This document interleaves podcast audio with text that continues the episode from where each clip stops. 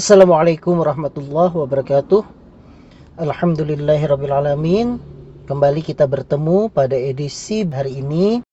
Di mana saya kembali akan membacakan satu buah pertanyaan terpilih. Baik, pertanyaan ini dari Bapak Hanif. E, Pertanyaannya akan saya bacakan. Assalamualaikum dokter. Waalaikumsalam warahmatullahi wabarakatuh. Mau nanya Berapa besar prosentasi penyakit gula dapat menurun ke keluarga dekat. Apakah penderita gula tidak boleh lagi mengonsumsi makanan manis dan bisakah penyakit gula sembuh total? Baik, terima kasih Pak Hanif atas pertanyaannya. Jadi, seperti kita ketahui bersama bahwa diabetes adalah kondisi yang kompleks. Selain karena kegemukan dan gaya hidup, diabetes itu ternyata ada beberapa penelitian dia merupakan penyakit turunan. Jadi, kalau seandainya kita menderita diabetes, kemungkinan tidak hanya kita satu-satunya, bisa saja saudara, bisa saja orang tua, dan bisa saja anak kita nantinya menderita diabetes.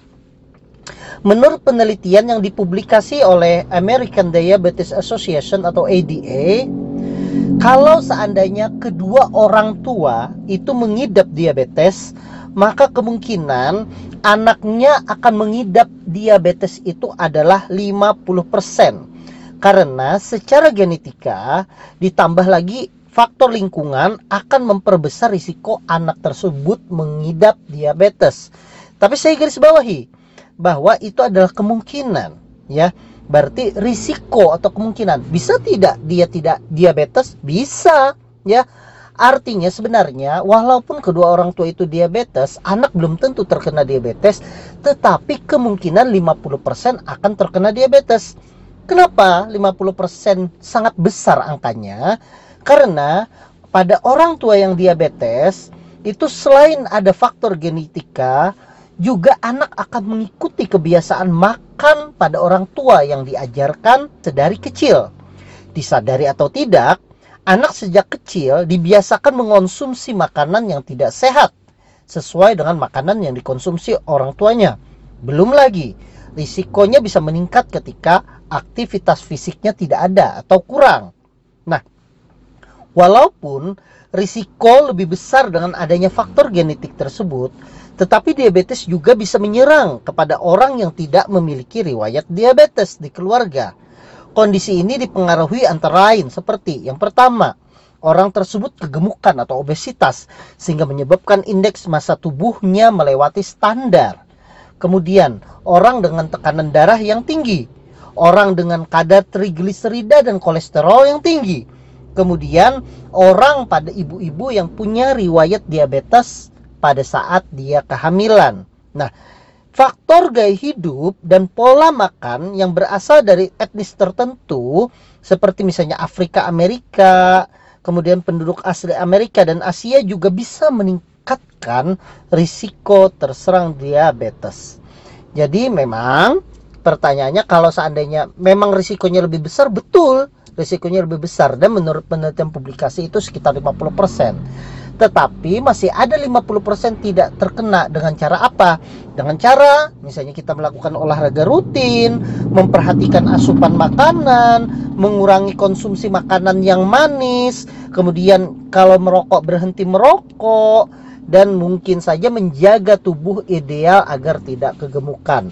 Nah, jadi itu jawaban dari saya untuk yang pertama. Kemudian yang kedua, apakah penderita gula tidak boleh mengonsumsi makanan yang manis? Jadi begini ya, saya luruskan terlebih dahulu. Jadi penyebab diabetes itu eh, mayoritas kalau di Indonesia itu karena kegemukan.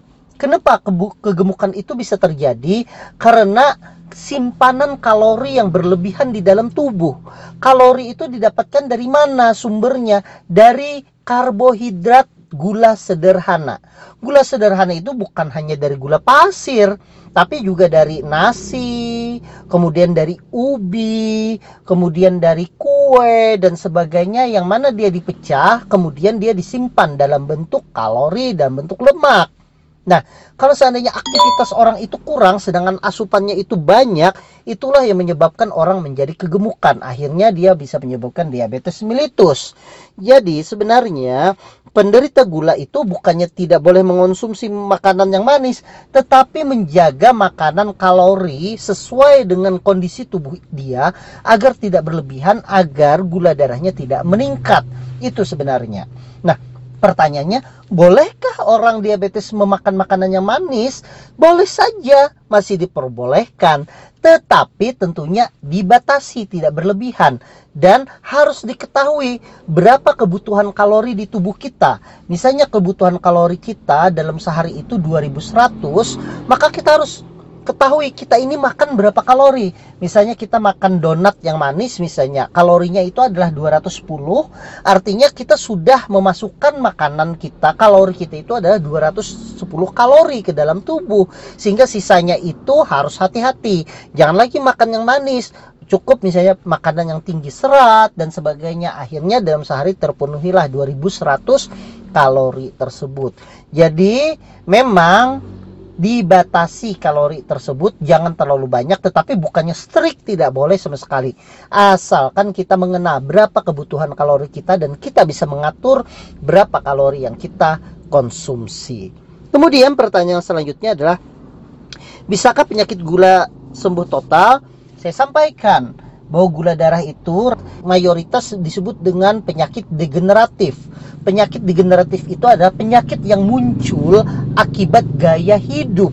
Makanya diabetes khususnya yang tipe 2 dia akan muncul di atas usia 50 atau 55 tahun disertai dengan misalnya riwayat kegemukan. Nah, penyakit degeneratif kita kenal sendiri bahwa dia memang untuk angka kesembuhan total 100% itu tidak ada.